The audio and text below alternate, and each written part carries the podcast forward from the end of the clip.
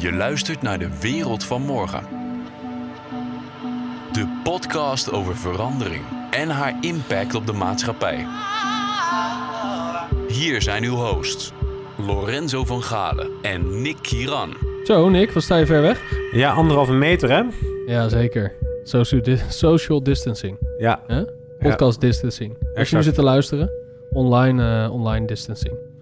Ja. Ja, want ik kan me voorstellen dat je nu niet eh, op je fiets naar kantoor zit bijvoorbeeld... of in de metro. Ik kan me voorstellen dat je deze podcast, als je hem al luistert... dat je dat doet vanuit een thuiswerksituatie... of misschien eh, vanuit je vitale beroep. Eh, we gaan een podcast opnemen over het... ja, ik zou bijna zeggen het on...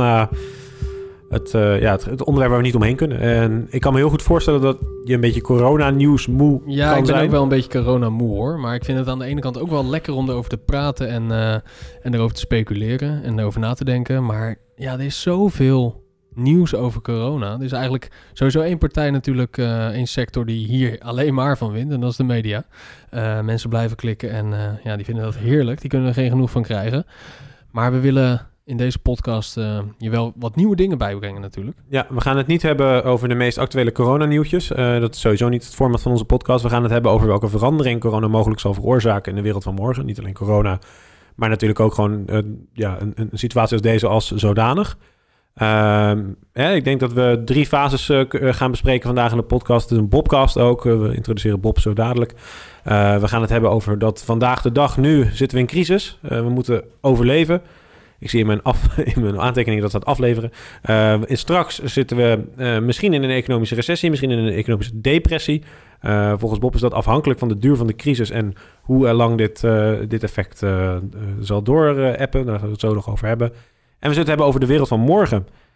Wat betekent dit voor de markt? Gaan we een hele enorme herstructurering zien? Komt er een herstructurering van de, de machtsverdeling van de overheid? Het belastingssysteem, is dat nog houdbaar? Is het een versnelling van de digitalisering? Nou, nou. De Bobcast. Aan de vooravond van een maatschappelijke revolutie. Zo luidde zijn reden. Maar wij noemen het de wereld van morgen. We vonden elkaar. Schrijver, spreker, hoogleraar en resident van de podcast. Professor Dr. De Wit. Eh, hallo Bob.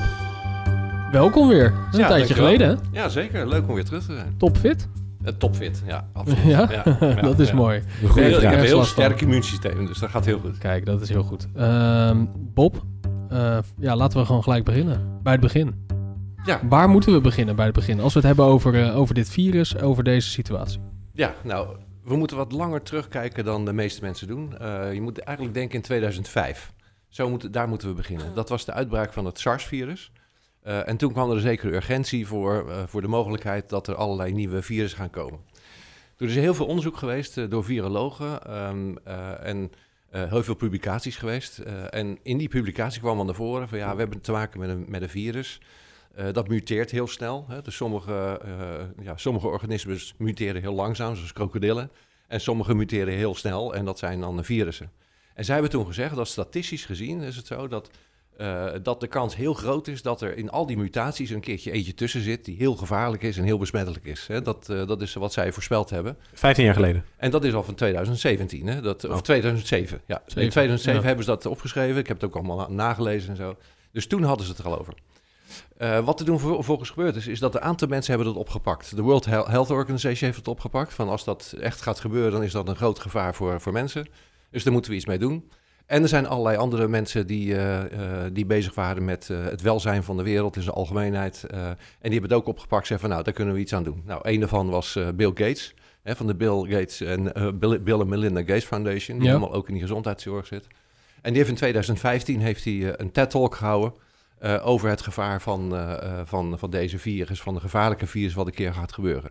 Dat was direct het gevolg van die publicaties en het onderzoek wat virologen hebben gemaakt en geschreven.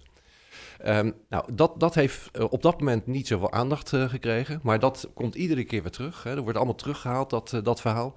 Ja. Hoe is het nou mogelijk dat hij zo ver van tevoren een TED-talk heeft gegeven over hè, vijf jaar van tevoren, over het gevaar van virussen. En vijf jaar later zitten er middenin. Ja. En dan heeft, zit hij ook dik in die wereld met de World Health Organization en een paar andere of zo. En Eh, en, en nu zit heel veel, ja, eh, en hij zit ook heel erg in die vaccins, eh, heeft hij in geïnvesteerd. Toevallig. Eh, heel toevallig, ja. Ja. Ja. Nou, Bill Gates is de enige ter wereld die viraal kan gaan avant la lettre. Hè? Dus dat is... eh, dat is zo, ja. ja, ja. dat is inderdaad... eh, Een soort dieselmotor. Moest even opstarten, maar nu gaat hij wel goed viraal inderdaad. Ja. Dat, dat zeker. Ja, nou ja, kijk, het opvallen van, van Bill Gates is natuurlijk dat hij enerzijds heeft een foundation om dingen goed te doen. Eh, en aan de andere kant is hij een ondernemer. Dat, Ja, we dus kennen hem als Microsoft-CEO en oprichter, toch? Maar hij zag daar Ja. gewoon een kans. En die, Eh, eh, ja. die, die kans heeft hij gewoon goed gezien. Al vijf jaar geleden weer. Ja, ik denk dat hij het zo heeft gezien. Omdat je ondernemer bent, dan zie je Ja. enerzijds wil je iets goed doen voor de wereld. Je wil iets teruggeven. Aan de andere kant zie je een groot gevaar. En als ondernemer denk je van, nou, dat, dat, daar moeten we iets mee gaan doen. Want dat gaat over vijf jaar gebeuren. En daar vloeit toevallig heel veel geld dan in dit geval uit. Nou ja, en hij blijft ondernemer. Dus hij Ja. kijkt ook hoe zijn verdienmodellen elkaar zitten. Denk ik hoor. Ik ken hem niet persoonlijk. Ja, of als, maar- eh, ja, weet ik ook niet. Maar misschien als filantroop ook. Dat hij denkt van ja, hier ligt een kans. En die, die moet ik eh, met mijn bereik en mijn kennis moet ik die accelereren. Dat kan Zeker. natuurlijk ook. Dat kan ook een doel zijn op zich. ja, zeker. Maar goed, een Ja. aantal signalen al gehad. Eh, er, is, er is onderzoek gedaan. Maar er zijn natuurlijk ook al een aantal andere virussen al geweest. Niet op onze continent. Ja, Maar dus- eh, Ja. ja, met SARS en ebola. Maar is dat dan ook niet het probleem? Dat omdat het niet is ingeslagen bij ons als in het Westen. Hè? Dus even de, on- onze wereld, om het zo maar even plat te slaan. Eh, ja, er is helemaal geen urgentie, of niet, Bob? Nee, in, in, de, in het Westen is er geen urgentie. We lezen dus wel over, eh, over eh, virussen. Maar dat zit dan in Hongkong, hè, was een heel belangrijke. Eh, ook in China was er nog een. Maar dat, dat, dat waaide niet over. Hè. Dat, dat, is, dat is hier niet een beetje aan, aan voorbij gegaan. Ja, je hoort het wel, maar je denkt Ja. Ik heb het niet gezien, ik heb het niet Ver van je gevoeld. bedshow. Ja, Ver van mijn bedshow inderdaad, ja. Ja, nee, dat is ook zo. En dat was ook met deze. Eh, we weten, tenminste, we denken te weten waar het vandaan komt. Eh, in Wuhan, eh, op de een of andere manier, eh, komt het daar vandaan. Eh, in China heeft dat eh, heel veel veroorzaakt. eh, heel veel publici- publiciteit over geweest. Daar is ook veel over geschreven, wat, eh, wat de consequenties zijn, wat je eraan moet doen. Eh, dat is ook doorgegeven door- van, door China aan eh, allerlei westerse landen. Eh, en je hebt gezien dat ze toch ja, tamelijk eh, matigjes gereageerd hebben. Het niet, niet zo hebben opgepakt als, eh, als dat we achteraf zeiden van dat hadden ze moeten doen. Maar de, de vraag is nu, wie is ze? Hè? Want je zegt ze hebben niet ingegrepen. Is dat Rutte? Is dat Trump? Is dat heel Europa? Is dat, zijn dat alle wereldleiders? Hoe zie je dat? Nou, het is eigenlijk bij de meeste, bij de meeste leiders, als we even het, tot het westen beperken, is het eigenlijk bijna overal. Hè? Dus ook, ook de Verenigde Staten was dat zo. Hè? Toen eh, Trump hoorde van er is een eh, virus, er is een China overgewaaid. Eh, en dat kan wel eens erg zijn, eh, stond hij op de golfbaan zo van nou even mijn potje afmaken, hè? zo ongeveer. Hè? Dus, eh, Ja. Nou Dus ja, even los van of dat echt zo is. Ik bedoel, het is, het is, het is letterlijk, heb ik hem horen zeggen, China virus, China virus. Ja, het- hij nam het in, in, eerst, in de eerste weken, zag je niet heel veel urgentie nee, inderdaad. nee, je zag er geen urgentie. eh ze zeiden van ja, dat is in China. Eerste al- dagen moet ik zeggen. Ja, we praten niet vaak- over weken, over dagen inmiddels. Ja, inderdaad, ja. Hebben we vaker meegemaakt, zal wel overwaaien. Dat werd niet echt serieus genomen. Ehm, maar ook, ook in Nederland eh, was het in het begin ook van... eh, ja, de RIVM heeft verteld over dit virus. eh, maar eh, ja, we moeten nog even kijken hoe het ontwikkelt. En we moeten Ja. even rustig aan doen, maar voor de rest geen paniek of zo. Ja, die is toen teruggefloten door de virologen. Zeg van, dames en heren, het is toch wel een beetje erger dan dat. Ik zou hem even ingrijpen. Nou, en toen kwam Rutte op televisie en... binnen een half uur moesten de kroegen en de restaurants dicht. Hè? De Dus rest is geschiedenis, ja. ja, de rest is het geschiedenis. ging ineens ja. heel hard. Het, gaat, het ging ineens in heel hard. En dat is niet alleen in Nederland, maar dat is in heel veel landen. Nou, Italië weten we, Spanje, eh, Frankrijk. eh, Zelfs nog verdergaande maatregelen. Hè. Eh, Ten, tijde, ten opname van deze podcast. Ja, er schijnt een, eh, een persconferentie over 10 minuten te beginnen. Weet ik niet. Was een gerucht. Dus misschien is het over 10 minuten weer helemaal anders. Maar op dit moment mag je nog steeds gewoon naar buiten in Nederland. Eh, wordt er geadviseerd om afstand te houden. Ja. Maar als je kijkt naar andere landen, bijvoorbeeld eh, in Spanje, is er daadwerkelijk een, eh, een straatverbod. Volgens mij moet je met een briefje de straat op als je nu Ja. Boodschappen wil doen. Ja, ja dat klopt, ja. Eh, dus in alle, eigenlijk in alle Europese landen is, heeft men een beetje laat gereageerd. Eh, en bij de een moeten ze wat verder gaan dan de andere. Eh, Italië loopt er een beetje in voor en Spanje. Ehm, en eigenlijk is in Europa maar één land die direct ge- eh, ingegrepen heeft, gelijk de maatregelen heeft genomen. En eh, ja, eigenlijk da- daar is geen pandemie. Dat is, eh, en dat is IJla- IJsland. IJsland die heeft direct alle, eh, alle adviezen van de WHO eh, doorgevoerd. Gelijk social distancing, gelijk mensen informeren, gelijk zeggen dat moeten we niet doen. Ja, tot nu toe, eh, het, hè, bij de op, tot de opname van de podcast, één dode. Maar goed, wat is de populatie van, van IJsland? Die is Ja. natuurlijk vrij laag. Zeker, dat is ook zo. Maar je moet ook kijken naar het percentage van, de- van de bevolking. Hè. Niet alleen het, het is zowel absoluut als relatief, maar ook in de relatieve zin, zeg maar. Ehm, eh, als je kijkt naar het percentage van de bevolking, eh, dan is het veel lager dan, eh, eh, dan alle andere Ja. landen. Ik vind het goed dat je dit zegt, Bob. Want ik zie, dit is een onderwerp dat ik eigenlijk uit de voorbereiding heb gehaald. Maar ik zie heel veel mensen een soort statisticus spelen nu die helemaal niet snappen wat het verschil tussen procentueel en eh, absoluut. Ik zie dat mensen nu met Italië op absoluut niveau zitten te vergelijken. Terwijl Italië een land is met vier keer meer inwoners. Dus wat dat betreft, Ja, is het 60 vier- miljoen, terwijl, wat, dat, wat dat betreft zou je kunnen zeggen... dan doen we het in Nederland dus vier keer... een factor vier anders dan Italië. Even los van of het goed of slecht is. In, ja, ik moet zeggen, in zijn algemeenheid eh, is, zijn de statistieken onbetrouwbaar. Eh, en dat zeg ik wel even als wetenschapper, want ik kijk dan heel erg naar de meteorologie. Wat ze namelijk in IJsland hebben gedaan, dat hebben ze nergens anders gedaan. Ze hebben niet eh, alleen maar de mensen, ze hebben niet alleen de statistieken op basis van de mensen die naar het ziekenhuis gaan of die in IC liggen, maar ze hebben gewoon een steekproef genomen van de hele bevolking. Eh, en ze hebben een, een bepaald percentage, percentage genomen van de hele bevolking, ook mensen die niet in het ziekenhuis zitten. En op basis daarvan hebben ze kunnen vaststellen wat, eh, wat zeg maar besmetting is. En hoeveel mensen dan eh, zijn overleden. Nou, dat ga je dan veralgemeniseren in, eh, in percentages. En dan kom je eigenlijk met lage percentages uit. De helft van de mensen zijn besmet, maar die hebben geen, die hebben geen, geen last van. En dat zijn met name de mensen met een zwak immuunsysteem, die wel, wel last van. Maar als je het isoleert en je zorgt ervoor dat mensen niet te veel elkaar besmetten, dat is heel besmettelijk namelijk, eh, dan, eh, dan heb je het onder, vanaf begin af aan onder controle. En die hebben gewoon een, gedegen methode toegepast... Ja. om hun beleid te ver- verantwoorden. Ja, ik denk als we van moeten leren, dan moeten we vooral naar, naar IJsland kijken hoe zij het gedaan hebben. En ook gekeken hoe ze de statistieken verzameld hebben, want dat is het meest betrouwbaar. Want wat je namelijk in andere eh, landen veel ziet, is dat ze, maken, ze kijken dan naar het percentage van mensen die besmet zijn en die last van hebben en, en eh, gehospiteerd worden. Maar dat zijn allemaal mensen rond dat ziekenhuis, rond dat zorg, zorgsysteem. Ja, dan kun je niet veralgemeniseren hoe, het, hoe erg het Nee. eigenlijk is. Nee. Nee, een, van- een derde geloof ik van de mensen die nu eh, besmet is in Nederland, dat, die komen uit de zorg. Ja, maar dat is ook via, via die besmetting. Maar eigenlijk Ja. is het zo dat eh, als je... ehm, eh, er zijn wel meer plekken geweest waar, eh, waar besmettingen zijn geweest, waarschijnlijk. Alleen, dat is nooit gemeld. Hè? Ehm, Nee. eh, bijvoorbeeld in... eh, eh, mijn dochter woont toevallig in Zwitserland, in een klein bergdorpje. Eh, en die hadden in je- begin januari was er een, ja, een soort, eh, soort griepgolf... eh, waarbij heel veel mensen eh, gingen overgeven, twee dagen hoge koorts eh, en dat soort dingen. Ja, ja, normaal gesproken heb je een griepje of zo. Je gaat niet naar het ziekenhuis of je doet er verder niks aan. Je bent even thuis en dan ga je weer door. En achteraf, als je naar de, naar de verschijnselen kijkt, dan zou het best wel eens het coronavirus kunnen zijn. Alleen omdat mensen het niet herkenden en omdat daar Nee, vooral heel veel jonge mensen en gezonde mensen wonen die midden in de bergen zitten in de natuur, is een immuunsysteem heel goed. En dat is gewoon overgewaaid. Maar ja, als, je dat, als ze hadden geweten dat het corona was, waren ze allemaal naar het ziekenhuis toegelopen en zeiden Ja. van ik heb ergens last van. Maar dan hadden ze allemaal een vaccin gehad. ja, dat is weer een. eh, nou, de vaccin is er nog niet, maar Nou ja, als Eh, dat er zou zijn geweest. als dat er ja. zou, zijn geweest eh, en, en dat zou voorgeschreven zijn en je had er ke- keuze in geweest, in gehad, dan had het kunnen zijn dat ze naar het ziekenhuis waren gegaan van ja, je hebt corona, hier je een... Eh, ja, ja. Dus Bill Gates heeft echt een eh, goede product market fit eh, ontdekt. eh, ja, ik al. ja, Maar- een goeie- ja, zeker. Maar goed, we, we, we zijn een beetje laconiek mee omgegaan hier in het Westen. En Ja, dat eh, ja. benadrukt natuurlijk Ja. helemaal de move van Rutte met het handje geven. Oh nee, nee, nee, nee, dat mag natuurlijk niet. En eh, twee dagen later zat hij met een zeer eh, serieus gezicht eh, en een zeer serieuze boodschap. Ja. Maar volgens mij benadrukt dat de, de, ja, de, de mate van eh, eh, waarmee we, er, waarmee we Ja, de- omgingen. Eigenlijk was, het, hadden. eigenlijk was het de dagen op- een- ja, naar dat moment toe... waren we aan het afwachten op dat moment. Toch? Ik bedoel, eh, als, ik, ik ben geen expert... maar ik, ik, wij zaten allemaal, weet ik nog wel... Met, me- zeker met mij op kantoor... zo van ja, wanneer gaat er eigenlijk een, een beslissing genomen worden? België was volgens mij bijna een week eerder. Ik, las, ik hoorde ook een Belgisch cabaretier zeggen... dat die eh, volgende maand naar Nederland komt... in de hoop dat bij ons wel het EK doorgaat. En ik denk, ja, dat, dat vond ik wel humor. Wel maar een goede grap. Vond ik een goede grap. Maar aan de andere kant denk ik ook van ja, maar het is toch bizar dat, dat buurlanden inderdaad hele andere maatregelen nemen. Denk ik, waar, waar is ineens die Europese solidariteit gebleven? Waar is ineens eh, de kennis? Waarom zijn ze in België ineens slimmer dan in Nederland? Dat is een grapje Ja. van mij dan. Eh, Ja. Nee, maar ik bedoel meer van waar- waarom grap, zit er zo? grap. Ja, dank je. Dank je. Als ze zouden lachen, zou het nog leuker zijn. Nee, maar eh, Ja, zo leuk was hij nu ook niet. Nee, nu blijf ik juist stil natuurlijk, Ja, om ja. extra pijnlijk te maken. Dankjewel, hè. nee. Maar, maar nogmaals, eh, kijk, in België waren ze net ietsje slimmer, eh, uiteraard.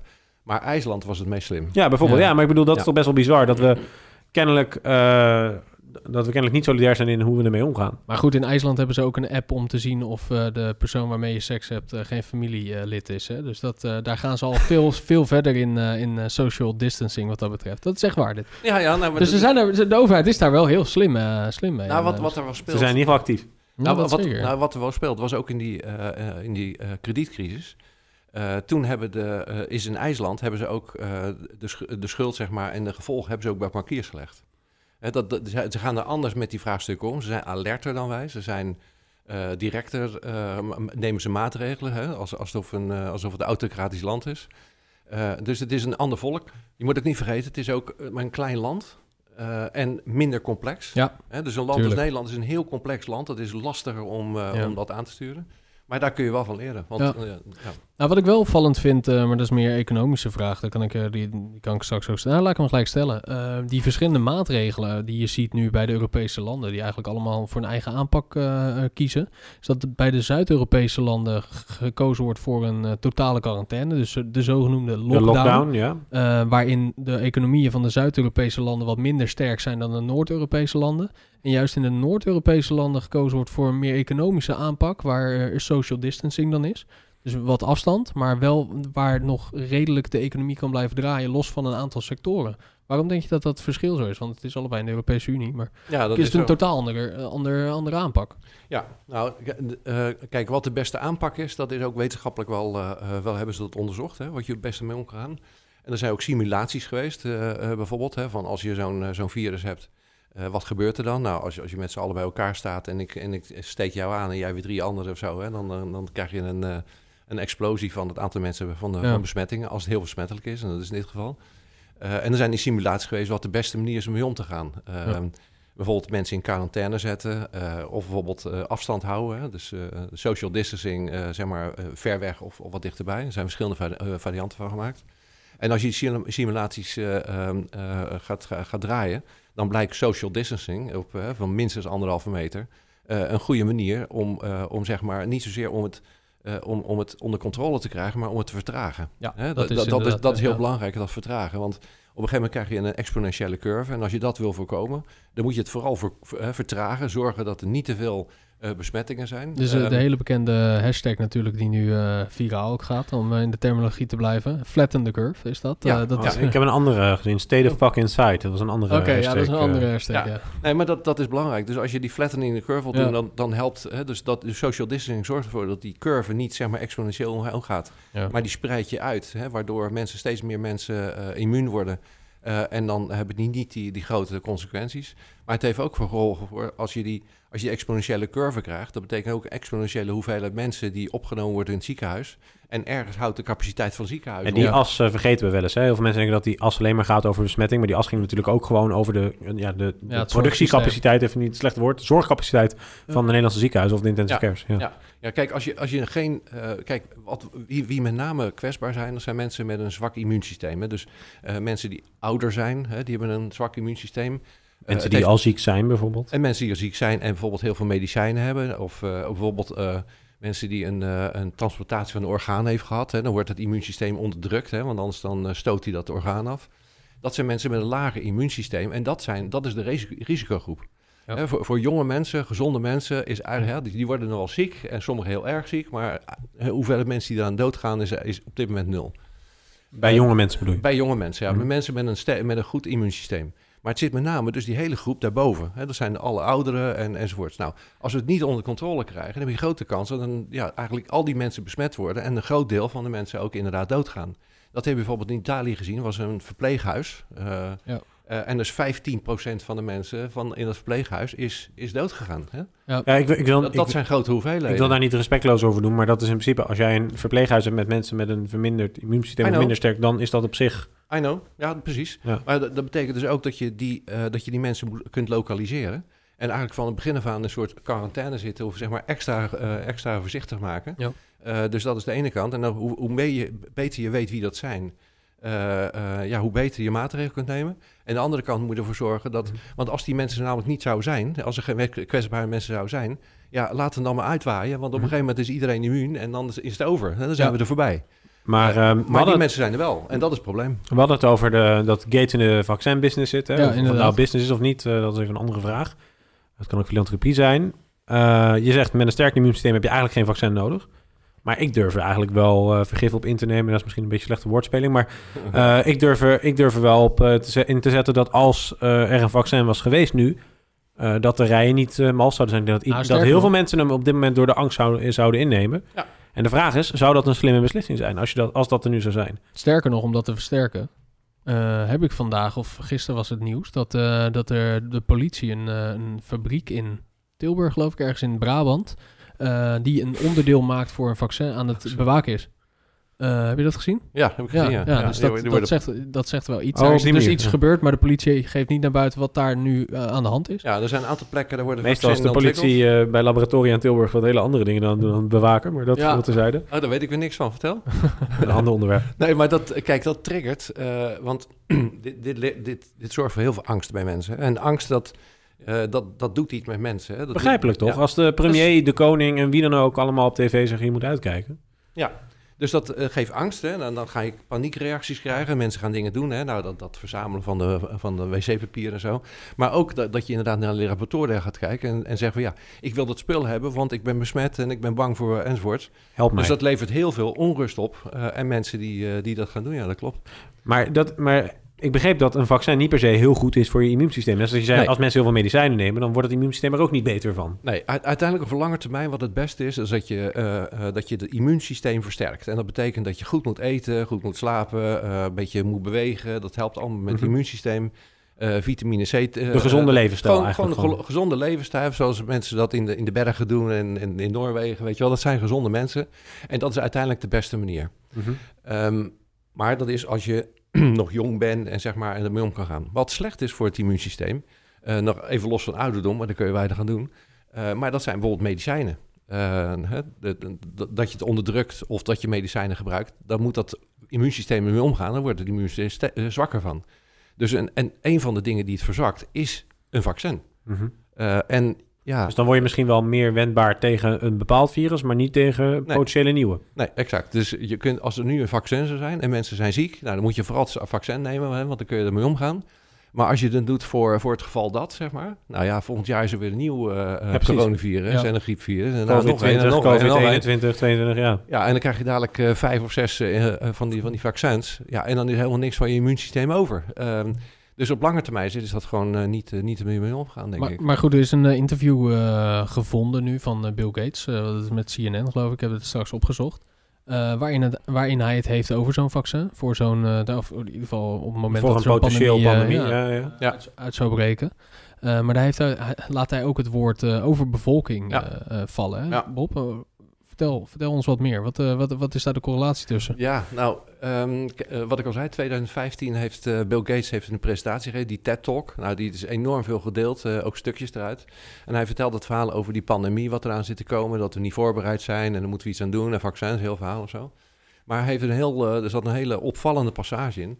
En dat was toen hij relateerde aan de overbevolking. Hij zei van vaccins gaan helpen aan het bedwingen van de overbevolking. En dat komt omdat Bill Gates en heel veel andere overigens... eh, eh, die zeggen van ja, weet je, eh, we hebben nu 7, bijna 7,5 miljard, miljard mensen. Dat houdt een keertje op. We Ja. moeten een keer een beetje voorzichtig gaan zijn, want zo kunnen we niet doorgaan, want dan houden we geen aarde meer over.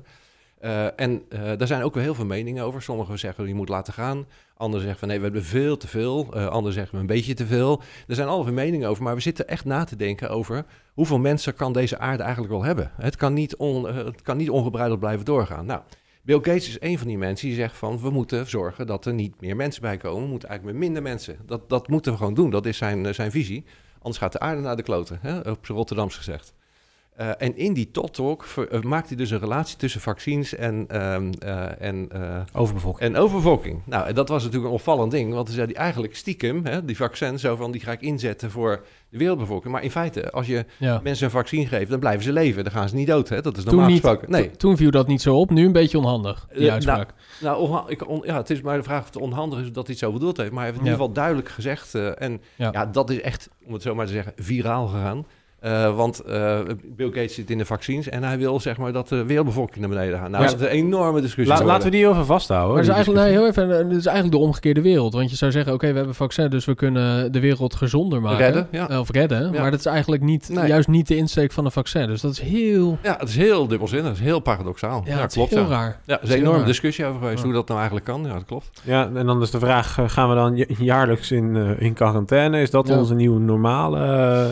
is dit de new normal in het Engels? Werkt Nou ja. beter? We hadden net inderdaad Of- over, eh, ja, of? Of is dit de versneller van de vooravond van de maatschappelijke Ja, revolutie? Ik wilde net Ja. zeggen, want destijds eh, was dat niet zo opvallend toen Bill Gates dat zei. En dat is het nu wel. Nou, jij zei ooit, eh, En dat zit zelfs in onze intro. We hebben het net weer gehoord. En we staan aan de vooravond van de maatschappelijke revolutie. Ja, zo- Als je- zo'n TED-talk is leuk, maar het was Ja. hier in deze podcast. Ik Ja. bedoel, Nee, maar als je dat eh, een maand geleden had geschreven, dan eh, was, was dat dit de, de, de, de, de corona, coronacrisis de, de vooravond geweest. Maar je bedoelde daar natuurlijk eh, wat anders mee. Ja. Eh, maar goed, dit is wel ook, we staan wel aan, aan de vooravond van een maatschappelijke revolutie of een versnelling daarvan. Ja, zeker. Dus eh, we hebben nu een korte termijn eh, probleem wat we, waar we met, met z'n allen moeten handelen en zo goed mogelijk moeten doen.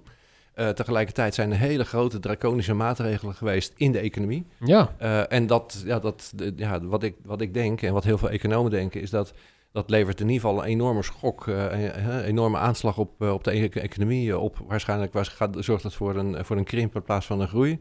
Eh, als het nog langer doorgaat, dan kan het wel eens tot een recessie leiden. Of, eh, of dat het nog langer duurt en depressie leiden. Dat zijn, zijn grote dingen. Dat, eh, dat zijn, maar tegelijkertijd is het ook een versnelling van een structurele trend die al gaande was. En dat is dat al de verschillende di- digitale technologieën en biotech en zo. Ehm, eh, dat dat in de versnelling komt. Hè. Nu, nu, nu merk je gewoon eh, dat er behoefte is om dingen anders te gaan doen. ja. En heel veel mensen en bedrijven die komen niet verder dan eh, laten we maar per Skype gaan afspreken. Hè, of, of een andere platformje of zo. dat zeg je wel, maar dat is, dat is 100% wat ik omheen zie inderdaad. Ja, het ja. is meer symptoombestrijding dan... Ja, dat is symptoombestrijding. Ja, exact. dus ja. we gaan de komende maand gaan we streamen. Of eh videoconferencen. Eh, sterker en we gaan ervan uit dat we over drie weken dat we weer gewoon bij elkaar zitten. Ja, nou Netflix en alle andere streamingdiensten hebben ook de kwaliteit omlaag eh, ge- gezet. Want ze kunnen de ze kunnen bandbreedte niet meer leveren. Nee, zo is het. er zitten veel meer, veel meer mensen thuis. En Nou, had- nou, volgens ja? mij was het zo dat de Netflix kon het wel prima. Alleen de kabelaars en dergelijke zeiden van ja, misschien is het wel handig om dit even een beetje in te perken. Ja, in- precies. Om, om, om, om, om een eventuele storing voor te zijn. Want dat is nu maar wel economisch wel heel erg. eh, Dat zou helemaal... eh, dat zou heel erg vervelend zijn als dat nu alles crisis als, als, als, als infrastructuur. Nou ja, en dan als kom we je niet meer kunnen Netflix is het echt een crisis, zeg je dus. Ja, Ja, ja. precies. Nee, maar dan kom je ook, eh, dat is ook al lang voorspeld. Hè? Dus de, de, voors- hè, de voorspellingen zijn dat eh, als de hoeveelheid data en, en het gebruik van digitale technologieën toeneemt, dan Ja. zijn, we hebben we gewoon de infrastructuur niet. Dus overal worden datacenters opgebouwd om al die data op te slaan. Eh, dat is dan één ding. En het andere is, ja, die snelheid en de bandbreedte moet echt verhoogd worden. Want Ik als moet we even, ja, dat, dat is, we zijn op dit moment zijn we gewoon niet voorbereid op datgene wat er nodig is. Ik moet zeggen, in mijn persoonlijke ervaring gaat alles goed. Maar tegelijkertijd denk ik ook van ja, ik ben een eh, verwende Nederlander. Wat volgens mij in de top 5 al jarenlang staat van de beste infrastructuur. En ik kan me voorstellen als je nu in Italië in een bergdorpje zit, dat je denkt van ja, mijn eh, YouTube buffert niet, eh, gek gezegd. Ik weet niet precies hoe het daar zit hoor. Maar ik kan me voorstellen dat het heel erg onderhevig is inderdaad aan... Ik, ik kan me ook voorstellen als je nu een, een, een, een, eh, een overheid zou moeten adviseren, zou het zijn, eh, hoe zit je, hoe zit je infrastructuur in elkaar wat dat betreft? Ja, maar kijk, dit zijn dan, kijk, die Netflix, eh, met alle respect, maar dat zijn toch in de categorie van leukigheidjes. Hè? Je bent op Ja, vakantie en je wil Netflix kijken. Maar ook in de categorie van meest verbruikende eh, softwareplatforms van op dit moment op het netwerk. Nee, dat, dat is wel waar. Maar als je, kijk, als je een digitale transformatie van bedrijven kijkt en eh, gaat gaat krijgen en hele businessmodellen gaan veranderen, eh, die gaan ook veel meer data gebruiken en gebruik maken van kunstmatige intelligentie, dan heb je ook wel de infrastructuur nodig. En als Ja. je dan in, in een bergdorpje in Italië zit, dan gaat het er niet om dat je Netflix kan kijken, maar dat je business doorgaat. Nou, Precies. en die infrastructuur is gewoon nog Of niet dat, klaar. er, of dat er een eh, beschikbare intensive care plek is. Dat is nu ook wel eh, in die regio belangrijk. ja, in die richting. Maar eh, dat is flauw grap. Maar, ik wil nog heel even vragen, want je had het over die bio-industrie. Ja. Eh, jij had een fragment van, ehm, eh, van onze grote vriend, help me even, ik ben zijn naam kwijt. Jort Kelder. Jort Kelder, inderdaad. Eh, de, de, de, de, ja, hij is al heel lang vegetariër. Vegan, volgens mij. Ik weet niet of hij vegetariër is of vegan. Maar hij heeft, eh, hij heeft dus... eh, want het verhaal komt dat het van een wet market komt. Hè? Zogenaamde wet market in, ja, in in China. Wuhan. Ja. In Wuhan inderdaad. En een wet market, daar zitten allerlei dieren op elkaar gestapeld. En dan kan het Ja. sap, lichaamsap van een vleermuis druppen op een varken. Nee, varken wordt, Nou ja, dat, dat, dat kan niet. Hè. Dat, dat, Oh. je, nee, dat lukt niet. Maar wat wel kan, is dat bijvoorbeeld een civetkat... Kijk, in China houden ze van het eten van wild. Ja. Eh, liefst zo warm en vers mogelijk. Dus op die markt, ik ben er ook wel geweest oh, veel. serieus? Ja, en dan sta je dus... eh, Het is een hele grote markt. En er staan grote kooien met allemaal wild wat ze gevangen hebben. En, en, ja, en ook dieren die ze gefokt hebben of zo. Dat, is, Ja. zit allemaal... En ze moeten het... Ja, ja, het moet zo vers mogelijk zijn, zeg maar. Maar als je een civetkat hebt die net eh, gebeten is door een vleermuis... Ja, dan... eh, dan, dan- Nee, dus- precies. Dus er zijn allerlei manieren om dat, eh, om dat eh, eh, eh, over te dragen, zeg Ja, maar. Dat ja. is een beetje het begin. Kelder zei, even los van vlees eten of niet hoor. Want hij, hij zei, ik word een activist en ik wil even stelling nemen... dat we geen vlees meer moeten eten. Dit is de grondslag van het virus. Dat deed hij even activistisch in. Ik vind dat niet... Dat nu even niet de discussie. Ik vind meer de discussie dat we inderdaad zeggen... wat jij ook net zei, Bob. eh, de, we need to change. Hè? Veel mensen roepen het, of het nou Jort Kelder, Greta Thunberg of eh, Bill Gates is... Eh, of jij die zegt, we staan aan de vooravond van de maatschappelijke revolutie. Ehm, je ziet ook dat, dat recentere werken in, het zin van, in de zin van wat het Technology Review van MIT heeft ge- gepubliceerd. Die geven eigenlijk als een hypothese aan van ja, dit is leuk, hè? Er komen die social distancing en, en even geen hand geven en zo. Maar dit is lasting change. Eh, social distancing is here to stay. Smetvrees eh, zullen we blijven zien. En daar zullen we ook, en ook terecht misschien wel, net wat jij net zei, we zullen meer van dit soort virussen mogelijk zien. En jij waarschuwde eigenlijk in, ons, ehm, in onze eerste podcast, volgens mij was dat samen, voor een opschudding en een, het einde van het huidige systeem. En ik wil niet eh, grappig proberen te klinken nu. Maar is dit een reset? Ja, Moeten we dit zien als een reset? Er Nou, komt ik- trouwens net eh, live eh, nieuwe maatregelen binnen, want het is eh, 7 uur hier op eh, maandagavond. Eh, alle, alle samenkomsten worden tot 1 juni verboden. Er is geen ondergrens meer van 100 personen. En de burgemeesters meesters moeten strenge regels gaan handhaven eh, in, de, in de gemeentes. En boetes worden uitgedeeld als ze zich niet aan de afspraak houden. Ja. Oké, nou ja, Dat dat, is is een verdere lockdown eh, Ja, Ja, Ja, dat nog- kunnen- ja, verder, verder een doorvoeren Ja. van de maatregelen. Ja. Hadden ze dat ja, ook iets eerder kunnen doen, maar dat is, het is goed dat ze dat doen. Ja. Ehm, maar het is inderdaad wel een eh, versnelling van een aantal eh, trends die al gaande zijn. Ehm, als ik even jullie twee eh, onderwerpen bij elkaar mag pakken. Het heeft ook iets met, met, met het milieu te maken, hè, met duurzaamheid. Ehm, en de vleesindustrie is de grootste vervuiler van, van allemaal. hè. Belangrijker dan vliegen en, en autorijden Ja. is de vleesindustrie een grote.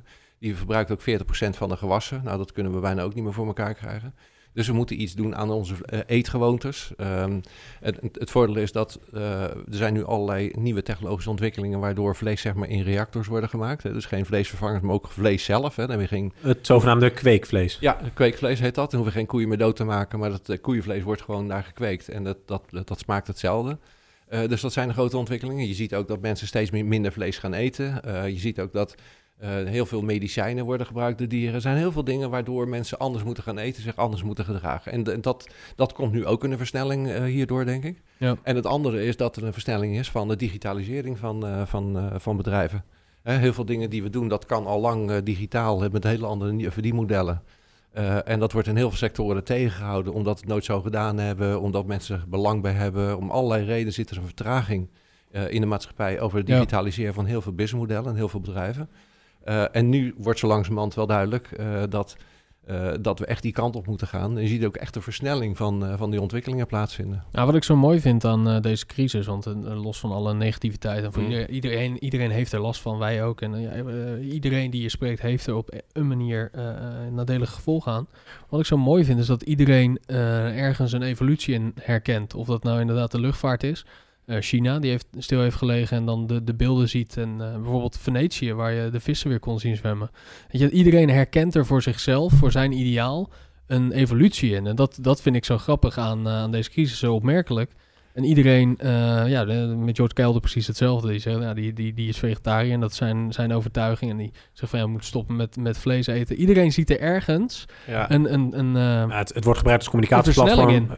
Ja, het wordt ook een beetje gebruikt als communicatieplatform voor verandering. Hè? Dus ze zeggen, ja, het gaat nu fout, dus we moeten nu dit doen. Nou, to- toen, ik, Ehm. toen ik me helemaal aan het verdiepen was in, dit, eh, in die materie, en ik, ik lees echt alles eh, eh, daarover. Eh, wat je veel ziet tijd ook nu, veel thuis. eh, ja, maar dat is eh, ook onderdeel van mijn werk. Ik probeer dingen te begrijpen over de toekomst. En als er dan zo'n ding als dit eh, erin komt, ja, dan moet ik er helemaal in gaan verdiepen. Dat heb ik dan ook gedaan. ja. Maar het is ook, ja, wat je zegt, mensen hebben al bepaalde gedachten over vlees of ge- bepaalde gedachten over toenemende macht van de 1%. eh, eh, en ze zien overal, overal halen ze hun eigen dingetjes gedaan om hun verhaal te versterken. Hè? Dus dat, dat, dat zie je dan gebeuren. Dus mensen die, ja, eh Jort Kerder ziet dat dan weer hè, als, als een kans om, eh, om zijn, zijn doelen te realiseren. En andere mensen hebben weer allerlei complottheorieën en dat wordt dan weer versterkt hierdoor. ja, inderdaad. En dat Maar- maakt het heel moeilijk om, om te onderzoeken, want die wil eigenlijk daar doorheen kijken. Het hè. Dus- 5G-verhaal, het, Maar eh, kunnen we- dat soort dingen. Kunnen we even een, eh, een sprongetje maken naar de economische impact van, Zeker. eh, van, van dit Zeer relevant COVID-19 natuurlijk. eh, coronavirus? Ja. Ehm, ik had een, eh, vandaag een statistiek gezien die ik heel interessant vond, of heel bijzonder vond, of schokwekkend hoe je het wil noemen. En dat is eh, dat de NS aangaf dat er vandaag 93% minder reizigers waren. Ja. Niet Ja. onverwacht. Ik bedoel, ik had niet verwacht dat ze een stijging hadden aangekondigd vandaag. Maar 93% minder, dat betekent dat er maar 7% overblijft. Ehm, ja, dat, dus die mensen konden eindelijk een keer zitten in de trein. Of misschien inmiddels, ja. Ik, ik bedoel, Ja. eh, dat, dat zijn natuurlijk eh, schokkende... eh, dat, dat kan niet anders dan schokkende impact hebben op onze economie. Even los van Ja. de effectenbeurs. Ja. Eh, zul je dat ook terug gaan zien in eh, lokale ondernemingen. Ik bedoel, Ja. ja. restaurants en barren, we hadden het net over. Die zullen dit zeker merken. We hebben een noodpakket eh, gepresenteerd zien worden door, de, Ja. door Mark Rutte. Wat voor impact verwacht jij nog meer, Bob? Nou, ehm, eh, de- het- van, van die treinen is een goed voorbeeld. Dat zie je ook op de weg, hè, met, met auto's, vliegtuigen. De- hè, dat, dat vervoer is allemaal minder geworden. Dat betekent dat verplaatsingen worden minder. Ehm, eh, en dat is ook weer, ja, een, een, een, het is gedeeltelijk tijdelijk is dat. Hè. Het is een beetje een shutdown-achtige eh, situatie. Maar het is ook wel, eh, voor de lange termijn is dat ook wel een, een, een, een trend. Want enerzijds worden dingen digitaliseer, digitaler. Dus we gaan Ja. er andere manieren van werken. Ook digitaler gaan we werken. Dat betekent aantal verplaatsingen gaan sowieso minder worden. Ja, de noodzaak voor fysieke meetings wordt steeds minder, de- wordt steeds duidelijk minder relevant, zeg maar. Dat Ja. zie ik in ieder geval zelf, ja. Ja, ja, ja, je weet, ik geef veel, veel presentaties. en ja, de eerste presentaties, ze zijn allemaal afgezegd hè, voor de komende drie maanden. Dus eh, vandaar dat ik ook eh, andere dingen aan het doen ben, eh, gedeeltelijk. Ehm, eh, maar je ziet ook allerlei nieuwe initiatieven. Te zeggen van ja, eigenlijk ga, hè, we vinden het wel leuk om daar te, te, te socializen en een borreltje te drinken of zo. Maar ja, de essentie daarvan is toch het verhaal zelf. En kunnen we nou niet digitale middelen vinden om dat voor elkaar te krijgen. Nou, dat, dat is nog niet zo makkelijk, want zowel de, de gebruikers zijn er niet aan gewend en de aanmelders zijn Ja. er niet aan gewend. Maar dat is wel een ding wat gaat gebeuren. Maar daar zijn we nu aan het, aan het wennen, toch? Want we zijn Ja. nu aan het oefenen eigenlijk met social distancing. En MIT zegt ook, it's Ja. here to stay. Ja, is here to stay. Dat denk ik ook, ja. Ja, dat klopt. En er is nog een hele andere eh, ontwikkeling. En dat is ja, wat, eh, wat, wat ik heb genoemd het decentraliseren van de economie. En daar hebben we het in de eerste podcast heel veel over gehad, herinner ik Ja, me nog. Ja. Ja, ja en, en dat zie je hierin eh versnellen. Ehm, dus die, zeg maar in het industriële tijdperk waar we dan uit zijn, waar ging het altijd om schaalvergroting. Hè? Dus eh, je moest eh, ergens een fabriek maken, er werd in massa geproduceerd, eh, of nou auto's of telefoons of wat dan ook was, al, eigenlijk alles. Inclusief vlees en inclusief komkommers, zeg maar. Eh dat was allemaal massaproductie en daarna zeg maar alle partijen die ervoor zorgen dat je die spullen thuis krijgt. Ehm, maar je ziet, al die technologieën zorgen er ook voor dat je steeds meer zeg maar in je eigen regio dingen kan produceren. Hè. Dus energie kun je, kun je zelf opwekken. Er zijn allerlei robots eh, zijn er gaande, waardoor je decentraal groente en fruit en aardbeien en dat soort dingen kan kweken. Die kan je als jij dat eh, bijvoorbeeld aardbeien doet, dan kun je er een lokale netwerk gaan zetten, een blockchain-achtige infrastructuur. Eh, dan ga je dan onderling ga je dat ruilen. Hè. Als jij aardbeien maakt, jouw tomaten, dan, eh, dan ga je ruilen.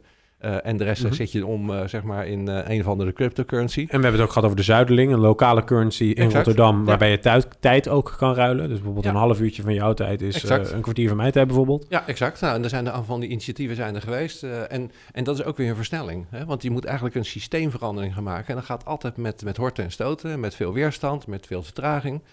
En dit is wel een trigger om dat voor elkaar te krijgen. Dus het is echt een versnelling van die ontwikkeling van een decentrale economie. Op, eh, echt op regioniveau, zeg maar. In Rotterdam, eh, waar we nu staan, is het op Rotterdam-niveau. Ehm, maar je kunt ook bijvoorbeeld in de, in de provincie hebben we ook een eh, bepaalde provincieniveau. Eigenlijk zoals het vroeger had. Je had allemaal kleine economieën. met Ja. een eigen markt, hè, waar je alles verhandelde. En daar ging je eten en drinken halen en zo. En dan ging je naar huis en dan ging je het Ja. opeten. Nou, dat hebben we in het tijdperk hebben we, zeg maar, geëxpandeerd en groter gemaakt, schaalvergroting. Ja, en dat zie je gewoon weer terugkomen. En we hebben het wel ook wel vaak gehad over de rol van de overheid. Eh, en de rol van de overheid is natuurlijk nu duidelijker dan ooit. Ehm, wat, aan de, e- wat mij aan de ene kant eh, best wel bang maakt. Aan de andere kant vind ik het ook heel erg mooi. Als we, we, we hebben wel eens kritiek op Rutte als we het een beetje politiek maken natuurlijk. Maar als eh, nu eh, ja, dit potje over is. eh, wat, wat, wat uniek is natuurlijk eh, volgens mij in de geschiedenis van, eh, van een land of van een, van een regering. Heeft eh, de, de, de regering Rutte de afgelopen acht jaar best wel wat eh, goed werk gedaan. Dat er dusdanig potje is als sociaal vangnet. En dat vond ik best wel mooi toen ze dat aankondigden. Dat veel mensen sneller geholpen kunnen worden. Dus het, proces is versneld, het is versoepeld en er is ook geld Ja. om dit op te vangen. Wel voor een aantal maanden, dus dat zal niet, dat zal niet twee jaar kunnen duren. Wat vind jij ervan, Bob? Wat, wat doet dat voor jou als je dat, als je dat zo ziet? Eh, nou, kijk, de overheid, de overheid heeft de afgelopen jaren heeft wel een beetje zijn geloofwaardigheid, bij heel veel burgers geloofwaardigheid verloren. Hè? Ja. Het, is een, het is een beetje een aparte, apart instituut geworden. Je zag ook dat eh, de afgelopen maanden was het, eh, dat vertrouwen in, in de overheid was dan niet, niet, niet best. Hè? Met boeren gingen staken en de gezondheid gingen staken. Het Malieveld eh, moest bijna gereserveerd worden voor, eh, ja, voor als je wat wilde gaan doen, inderdaad. Ja, Ja. ja, stakingskalender.nl Ja. bestond echt trouwens. Ja. Eh, Ja, ja, wat ik op een- van mijn, po- van mijn, van mijn post al heb gezegd, we moeten, kunnen we beter gaan eh, asfalteren. Hè? Dus Ja. er, zijn zoveel mensen die daar naartoe gaan, dat kan wel. Dus je zag wel een beetje dat afkalven. Nou, dan krijg je die, die crisis. Eh, dan gaat iedereen weer kijken, ja, wie moet dat oppassen? Ja, dan kijkt iedereen naar de overheid. Dan Ja. de ritten die zitten en die vertellen een heel verhaal. Dat zorgt er weer voor dat je, eh, dat je meer eh, vertrouwen krijgt. Maar ja, vlak daarna, dus over een tijdje zullen we zien dat als het, een, als het weer een beetje normaal wordt of zo, ja, dan, dan zal de economie gaat dan krimpen. Um, onder Rutte is ook de overheid met 35% gegroeid. Hè? Dus, uh, dus dat, dat is de VVD. Hè? Dus onder de VVD is de overheid in 35% gegroeid. Dat is heel groot geworden. En de vorige podcast hebben we het ook over gehad... over de noodzaak om te, te krimpen. De overheid moet echt gaan krimpen. Nou, dat is op dit moment gewoon niet aan de hand. Je kunt het dadelijk ook niet betalen. Hè? Dus uh, de economie, eh, economische omstandigheden... Uh, die maken het niet mogelijk om deze overheid te blijven financieren. Met dat rondpompen van het belastinggeld, zeg maar. Want dat houdt gewoon een keertje op. Dus ook hier is het weer een, een, een, versnelling van, de, van een trend die eigenlijk al een tijdje gaande is. Ontwikkelen van decentrale economieën, een kleinere overheid, burgers die meer zelf gaan doen. Uh, en, uh, en meer zeg maar, een bottom-up-achtige maatschappij en niet een top-down maatschappij. En als we dat zien in, in, in hogere of een grotere golf, is bijvoorbeeld een KLM, wat, uh, wat deels staatsbedrijf is. Ik geloof dat ze, nou, wat zijn 12% of 7% ergens. Ja, er zijn aandelen gekocht, hè? Dat is ja, een jaar geleden inmiddels, door ja. Wopke. 11% dacht ik. Ik weet het niet, maar ah, arbitrair nummer, ja. Ja, wat ik dan weer spannend vind, is dat KLM natuurlijk het, meest, het meest getroffen is. Daar werken ook de meeste, meeste mensen. We hebben, Als het meest getroffen zijn, weet ik nou, niet. Ja, nou ja, is wel een van de, van de sectoren die het meest getroffen is, denk ik. Um, gaan we er straks weer een, een, een, een move zien van de overheid... dat ze meer bedrijven gaan steunen en meer aandelen gaan kopen... om die bedrijven überhaupt staande te houden... zodat ze weer wat meer macht hebben. En, dus dat de privatisering, zeg maar, de... de, de ja. Snap je wat ik bedoel? Want, nee, ja, ik, ik, vind dat, ik vind dat een beetje eng. Want aan de ene kant is er dus geprivatiseerd. Wanneer was dat? Uh, daar hebben we ook een podcast over gedaan. Dat is in de jaren wanneer is dat geweest? 60 tot, uh, tot 90, zoiets. Ja. Um, zien we straks weer een move terug van de ja. overheid... die wel aandelen moet gaan kopen van dat soort bedrijven... omdat het wel uh, deel uitmaakt van de vitale economie, geloof ik... Uh, dat, ze dat, dan, dat ze dat dan officieel noemen. Ja, we hebben het toen ook gehad over verschillende takken. Hè? Dus je hebt bijvoorbeeld een KPN... waarbij, ja, daar is het goed gegaan, de privatisering. Ja. Want er is veel veel markt, nou ja, veel. Daar is markt ontstaan uh, en meerdere spelers. Ja. Maar je ziet ook voorbeelden waarbij... infrastructuur ja, je ziet ook voorbeelden zoals de NS, waarbij je denkt van ja, oké, okay, maar ja, het is nou niet dat er nu meerdere aanbieders op het spoor nee. nauwelijks, zeg maar. Nee. nee, nee, klopt. Maar denk je dat, denk je dat, dat een uh, beweging is die, die, die hieruit voort kan komen? Ja, wat we hebben destijds hadden we ook iets wat we noemen industriebeleid. Hè. Er werden een aantal sectoren aangewezen als uh, sectoren die ontwikkeld moesten worden en gesteund moesten worden. Er was een scheepbouw was dat destijds. Luchtvaart, dat soort sectoren werden dan ondersteund. ik denk dat, uh, en, en dat komt om, en, en wat we nu hebben is dat uh, uh, in die economische recessie zijn sommige sectoren zijn recessiegevoeliger dan andere. Dat noemen we cyclischer. Hè? Dus sommige sectoren zijn echt cyclischer dan andere. Ja. Um, bijvoorbeeld voedsel is minder cyclisch, hè? want je moet toch altijd blijven eten. Dus of het goed gaat of slecht gaat, ze eten misschien een beetje anders, maar dat blijft altijd wel. Ja. Um, maar de andere, andere sectoren zijn heel erg cyclisch. die, die bewegen mee met de ontwikkeling van de economie. En daar hoort, daar hoort de maakindustrie bijvoorbeeld bij. Uh, machines maken en zo. Maar er hoort ook de luchtvaart bij. Dus dat, dat zijn eigenlijk de eerste sectoren die er last van hebben. Nou, dan krijg je waarschijnlijk wel weer dat, er terug wordt uh, dat de discussie terugkomt van... ja, wat wordt dan de rol van de overheid erin? En dan krijg je weer industriebeleid, exact. maar dan een nieuwe industriebeleid. Dus dat komt weer terug, ja. ja. Maar is dit überhaupt op, is dit überhaupt op te vangen voor een, uh, voor een overheid? Zo'n zo'n crisis? Want ja. dit zijn maatregelen die natuurlijk uniek zijn. Dat is ja. nog nooit gebeurd. Dus ja. je weet ook niet hoe je daar uitkomt. Mag ik daar een uh, idee voor opperen? Een gedachtenspel. We hebben het eens een keer gehad over de Citizen Score. Uh, dat was in, is in China, heb je natuurlijk, wordt vaak gezegd, dat is een totalitair regime. Dus daar kunnen ideeën relatief snel worden ingevoerd. De Citizen Score houdt in dat als jij niet vaak naar je open oma gaat, dat je punten aftrek krijgt. Als je door rood loopt, krijg je aftrek. En er is een enorm surve uh, ja, surveillance system, surveillance is daar op wat je doet en er wordt een score bijgehouden voor jou als persoon. Dus stel Bob, jij bent uh, score 1000 en ik ben score 900. Uh, het kan zo zijn dat de trein minimaal score 1000 vereist, dus ik mag de trein niet in en jij wel. Oftewel systematische segregatie eigenlijk. Even buiten prijs en noem maar op, maar echt gewoon op basis van wie jij bent of wat jij doet. En wat dan de metrics zijn is een, is een ding. Als we nu kijken naar de ontwikkelingen met het coronavirus, dan zien we dat in Zuid-Korea en in Rusland smartphones worden getrekt om de verspreiding van het virus tegen te gaan. Ik denk een hele mooie technologische tool. je hebt je telefoon altijd in je zak, je weet bij wie je, je weet hoe dichtbij je bij iemand anders bent geweest, kun je goed zien, zou je ook goed kunnen gebruiken eventueel voor de nieuwe boetes als je binnen anderhalf meter van iemand komt. Zou je bij wijze van spreken een app voor kunnen maken, gek gezegd. Als we kijken naar, uh, naar China en Azië, zie je dat er nu temperatuur wordt gescand voordat je ergens naar binnen mag. Zou dat de basis kunnen zijn voor een citizen score? Misschien een iets andere invoering voor ons westelijke uh, ja, overheden? Nou ja, het, kijk, het is, wel een, het is wel een structurele trend wat er gaande is. Met dit, deze technologie uh, is een heel machtige technologie. En het, hè, dat is toen begonnen in Singapore, dat is uit overgenomen in China. Die hebben dan die citizen score waar je het over Exact. hebt. Inderdaad, alles wat mensen doen wordt meegenomen. Hoe je betaalt, eh, hoe je zegt, of je naar je auto's gaat, hoe je door je rood, recht- rood licht heen rijdt. Wordt allemaal meegenomen in die citizen score. Eh, en, daar, en, en die technologie heeft het in zich. Eh, zeker als je dat, die infrastructuur goed op orde hebt. Dat je al die, die gezichten kan herkennen en alles, eh, en alles kan opslaan of zo. Om veel te, controle te krijgen over de mensen. Hè, dat, dat, is een, dat is technisch is dat mogelijk. Precies, maar dat vonden Ja. wij altijd heel eng. Ja, dat, In Nederland dan, althans, laat ik het zo zeggen. ja, ja dat, dat vinden we heel eng. Dat, dat blijven we ook eh enge vinden, denk ik. En in China hebben we natuurlijk een andere cultuur dan hier. Mhm. Maar over zo'n Wuhan, we even terug te halen. Eh, Wuhan was eh, een miljoenenstad, maar het was ook eh, de eerste stad met een V- 5G-netwerk.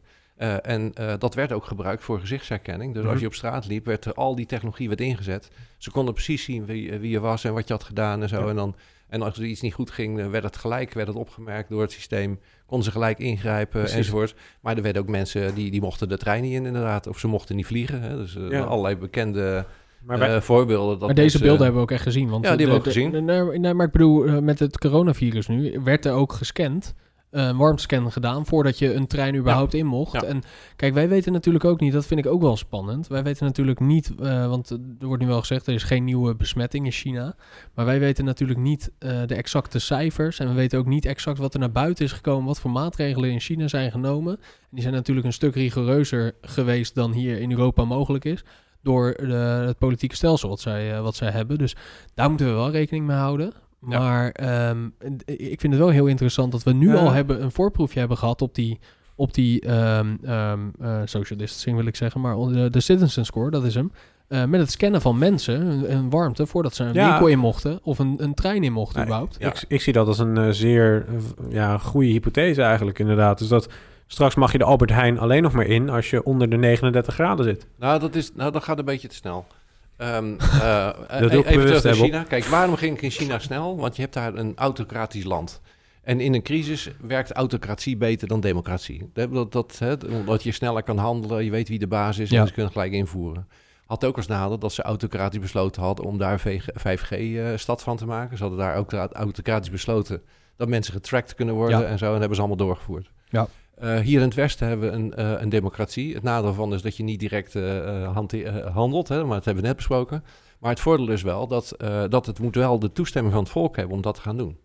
En, ehm, eh, en je ziet ook wel weer, ook weer zo'n structurele trend, is dat de macht en, en de grip die burgers willen hebben op de maatschappij, die neemt ook toe. Ja, maar aan de andere kant, daar probeerde ik een beetje... Ik kom daar zeker op zo op terug, op die, op die grip op de maatschappij. Maar als je kijkt naar... eh, als wij even historisch kijken naar bijvoorbeeld toen de, toen de aanslag was in, eh, in, op 11 september... kwam de Patriot Act. Dat was een, een eh, die, die paniek of die angst werd Ja. gebruikt als, als, als, als versneller... Ja. van het beleid om eh, Ja. meer data af te tappen. Ja. Misschien is de angst voor een pandemie wel een hele snelle, grote versneller voor die citizen score. Daar wil ik eigenlijk een beetje naartoe. En dat is ook altijd dat, dat punt, sorry hoor, maar die 11 september, dat is ook, ook altijd een voor en een na. Hè? Dat, dat wordt ook altijd, eh, daar wordt ook altijd naar gerefereerd. Precies, en die angst voor de pandemie kan natuurlijk een enorme Mm. versneller zijn. In dit geval dat je denkt van, dat wij als- ineens als democratisch land zeggen van ja, die citizen score, ja, het is een beetje eng, maar misschien is dat nu wel het beste wat we kunnen doen. We moeten het toch handhaven. Ja. Ja, dus wat je ziet in, eh, met, met zo'n crisissituatie, ook een 911, eh, maar ook, ook hier. eh, het lever, de, mensen die zien er ook een kans in, een opportunity in. Eh, dat doet Bill Gates dus ook. Hè? Die zegt van ik ga de vaccin zetten. Maar ook in het publieke domein zie je mensen zeggen van ja, er zijn een aantal dingen die kijk niet voor elkaar. En dit is wel een moment, want dan... En dan, en dan refereer je naar de angsten en dan, en dan krijg je een aantal dingen voor elkaar die je ervoor niet eh, voor elkaar kan krijgen. Dus, dus die, die trend is er wel. Maar of, of die zeg maar op dezelfde manier doorgaat als, als bijvoorbeeld in China is maar zeer de vraag. Omdat je uiteindelijk wel weer feedback krijgt van de burger. En zegt van ja, dat is allemaal wel leuk, maar dan kom ik in de, in de supermarkt eh, en dan, ja, dan kom ik er niet in, want er staat niks op mijn, op mijn pas. Of eh, ik heb een te hoge temperatuur. eh, ja, en dan krijg je toch ook weer een onrust en een nieuwe discussie van ja, hoe ver moet je erin gaan? En we krijgen er weer een nieuwe balans in. Ja. Hè, met gebruik van die technologie voor een aantal goede dingen. Eh, Bijvoorbeeld veiligheid en, eh, en gezondheid. Ja. Maar je krijgt ook alweer, eh ja, het, het gaat wel ten koste van je privacy. En hoe ver wil je Ja. erin gaan? En, en die balans tussen veiligheid en privacy is een van de belangrijkste Ja, paradoxen. waar, waar ik, wat ik denk, wat er gebeurt nu, is... Zeg dat we normaal een... is moeilijk om daar een cijfer aan te koppelen... dat je 10% verandering hebt over 10 jaar, ik zeg maar wat. Ik denk dat we nu dezelfde verandering gaan zien in weken. Omdat de situatie in de, in de ogen Ja. van velen vraagt om verandering. En daar hadden we het net ook heel erg over. Het zijn versnellers. Ja, een situatie als dit is een enorme versneller. En dat kan op dit... Dit is maar een voorbeeld. Hè. Ik zeg, die, die, die, dat voorbeeld van je temperatuur wordt gescand bij de Albert Heijn. Ja, dat, dat, dat, dat weet ik niet. Dat is gewoon zomaar lukraak uh, verzonnen. Maar dat kan natuurlijk wel Misschien iets anders land, zijn. land met ons, uh, met ons politieke systeem wat lastiger. Wat misschien wel leuk is als we het over dat grip willen hebben... is om een voorbeeld te pakken vanuit de platformeconomie. Uh, en daar hebben we ook een audiofile uh, voor klaarstaan. Oh, nee, die heb ik niet klaarstaan. Jawel, die staat in het oh, document. Oh, nee, moet ik, oh ja, die moet ik even openen dan hoor. Ja, daar komt hij. Kan jij hem uh, afspelen? Ja, zeker. Die wil, jij, die wil jij... Die wil ik er heel graag in hebben, ja. We are your loyal host. Komt hij. This message is for Brian Chesky of Airbnb. We are your loyal hosts and most devoted supporters.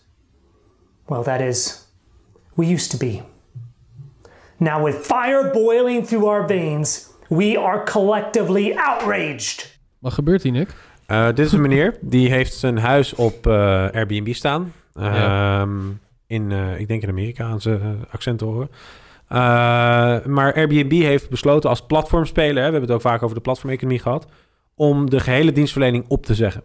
Even los van onze mening daarvan, ik denk dat we het daar wel mee eens zijn na deze podcast, maar uh, ze hebben wel heel veel macht. Want in die platformeconomie waar de platform, uh, of de mensen in het platform de platform maken, heeft de eigenaar van het platform ineens de regels veranderd en gezegd: nee, we doen het niet meer. En deze meneer is boos en die, doet een, die wil een uh, collective lawsuit nu beginnen. Heel veel mensen twijfelen of het serieus of niet is. Maar wat ik net las was dat, dat hij daadwerkelijk iets heeft ingediend. Even los van wat we van deze meneer vinden.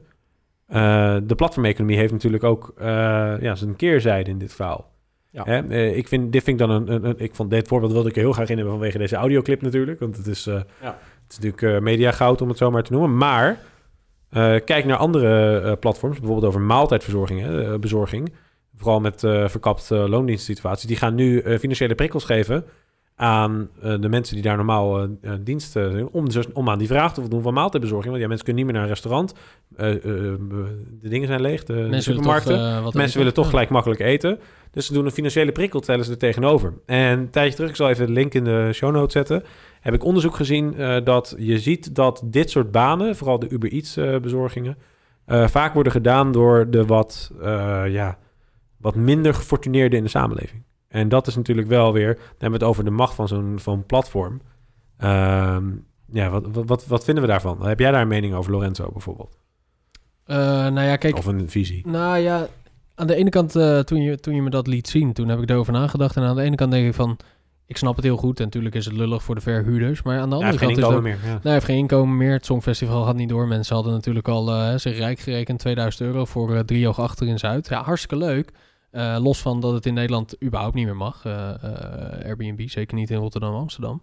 Maar Airbnb is een miljardenbedrijf die ook heel veel developers heeft zitten. En die zitten toch volgens mij met een marge tussen de huizen die worden verhuurd. Dus ik snap niet helemaal waarom, ja, hoe Airbnb dan in de lucht blijft. Want op het moment dat jij de deur, één deur sluit, die dan ook deuren sluit voor miljoenen verhuurders, verhuurders zijn wel jouw product. Dus, ja. ja, opvallende is dat, dat en, en, nu merk je dat, dat de afhankelijkheid van zo'n platform als Airbnb is natuurlijk heel groot. Hè? In het begin zie, lijkt het hartstikke mooi, hè? van je hebt iets te, te huur, je zet het op platform en ja. dan komen mensen. De, dus de schaal van, van Airbnb zorgt ervoor dat er voldoende mensen zijn uh, die, dat, uh, die dat gaan doen. Het is heel makkelijk en zo. Maar ja. dit is weer zo'n moment dat je merkt van ja, het is ook wel een afhankelijkheid. Absoluut. He, ze halen heel veel marge uit. Door, die, door de grootschaligheid uh, heb je er voordeel bij. Ja. Maar je, je bent er ook van afhankelijk en ze halen heel veel marge uit. Dus wat je, en dat heeft ook te maken met wat we noemen de winner takes all. Hè. Dat is bij platforms zo. Je hebt er altijd maar één of twee en dan houdt het een beetje op. Maar eigenlijk kun je deze technologie ook op een, op een, op een lokale manier gaan doen. Zeg maar op een decentrale manier gaan doen. Uh, en Uh, en, en, wat je ook weer ziet is dat die grote platforms, die afhankelijkheid, er komt steeds meer kritiek op. En er gaan alternatieven ontwikkelen voor ja, bijvoorbeeld huiseigenaren die het zelf gaan ontwikkelen, de technologie is wel. En dan krijg je ook weer op, op lokaal niveau. En ja. dus ook weer een tegenbeweging, zeg maar, tegen de macht van, uh, van die winner-takes-all ja. platforms. Naar lokale initiatieven. Ja, het zal praktisch gezien zou het ook wel, is het ook wel weer spannend ergens. Hè? Want stel, we hebben het nu over Airbnb en we vinden het allemaal heel logisch. Maar wat als thuisbezorgd morgen zegt, we kappen ermee? We nemen geen beslissing. We nemen geen. Uh, uh, even los van de adviezen van de overheid. Wij kiezen ervoor om tot 1 juni niet uh, bestellingen aan te nemen. Zij werken met verkapt dienstverband. eigenlijk gewoon. Zijn, zij zien volgens mij hun bezorgers grotendeels als ondernemers. Oftewel, die mensen hebben dan tot 1 juni geen inkomen. Ja, geen sociaal vangnet. heeft volgens mij iedereen nu in dienst. Hoor. Ja, thuisbezorgd wel. Maar die, ja, die andere, andere Uber Eats, gasten, Deliveroo, whatever. Maakt ook niet zoveel uit welke partij het is. Partij X die kiest dat nu. En dan kun je je wel ineens afvragen van... hé, hey, dat is eigenlijk best wel een flinke beslissing. Dus dan is een, een, een, een, ja, een effect van de platformspeler... Uh, is van ja, we nemen mensen niet in dienst. We nemen nu zo'n beslissing en zo'n beslissing heeft ineens wel heel veel impact. Ja, zeker. Ja. ja, en dan blijkt dus afhankelijkheid ervan. En, dat, en dat versnelt ook weer de, uh, de, de, ontwikkeling die gaande is, is dat er vragen worden gesteld bij de macht van, die, van de partijen. En kijken Ja. of het anders gedaan kan worden. En je kan natuurlijk heel makkelijk, nu kun je met die software kun je zelf een platformpje bouwen. En als je met een aantal studenten of zo zegt van we gaan het nu doen, ja, dan kun je gewoon een alternatief gaan maken. Precies. En dat, dat gaat nu gebeuren, ja. En we hebben, eh, ik las een post van jou op LinkedIn, eh, Bob. Het ging over de Edelman Trust Barometer. Edelman is volgens mij een groot eh, PR-communicatiebureau, eh, gewoon mondiaal actief geloof ik. Ja. Eh, die heeft onderzocht dat mensen eigenlijk steeds minder vertrouwen hebben in instituten. Ja. Even plat, plat Ja. gezegd. Ehm, welke markten, welke gripvormen zie jij opkomen, Bob? Wat, wat zijn de effecten daarvan? Nou, die, die Edelman die, die, die meet inderdaad wat het vertrouwen is in, in verschillende instituten. En dan zie je dat, eh, dat de overheid heeft een, een, een afnemende en een tamelijk lage eh, vertrouwen van, eh, van de mensen. Ehm, bedrijven eigenlijk veel, veel meer. Hè, veel meer vertrouwen in, in bedrijven. Maar bijvoorbeeld in zo'n crisis, ja, vertrouwen ze ineens weer in de overheid. En, eh, eh, ehm, en, maar in het algemeen denk je dat de, de, het geloof in grote bedrijven met heel veel macht, steeds, steeds meer macht dat erin zit, dat dat aan het dalen is. En, en dat levert een soort tegenreactie op. een, ja, maar een alternatieve economievorm. Ja, je ziet ook dat, ehm, ja, dat, nou, laat ik, de, laat ik de, in het verlengde daar de, de beetje afrondende vraag eh, stellen. Waar, eh, of- ja? We hebben nog een... eh, Oh. we- heb, heb je nog een onderwerp? Nou goed, Ja. anyway, laat ik vragen, want ik ben er wel benieuwd naar. Ehm, waar zie je wel kansen, kansen ontstaan in, eh, in de komende tijd? In welke sectoren? In welke sectoren? Ehm, zorg. Je? Zorg. Ja, nou, ik zie, ik zie vooral... ja los ik, daarvan. Ik, ik zeg, eh, kijk, de, de maatschappij bestaat uit een aantal dingen die, je, eh, waar je zeg maar, een basisbehoefte aan hebt. Dat hebben alle mensen. Dus een maatschappij wordt gemaakt op basis van een basisbehoefte die je hebt. En die basisbehoefte is veiligheid, dat is eh, zorg, eh, dat is sociale contacten, dat is vervoer. Dat zijn een aantal basisdingen die je moet doen. De maatschappij die we nu gemaakt hebben, is op een bepaalde manier gedaan. Volgens het industriële tijdperk, met massa en, eh, en, enzovoort. Maar die behoeften blijven hetzelfde. En ik denk dat ehm, ehm, eh, ze, noemen dit, ze noemen deze periode, noemen economen ook wel creatieve eh, destructie. Hè? Dus eh, het, het is enerzijds destructie van de bestaande, maar het is ook creatief. Hè? We gaan weer wat nieuws maken.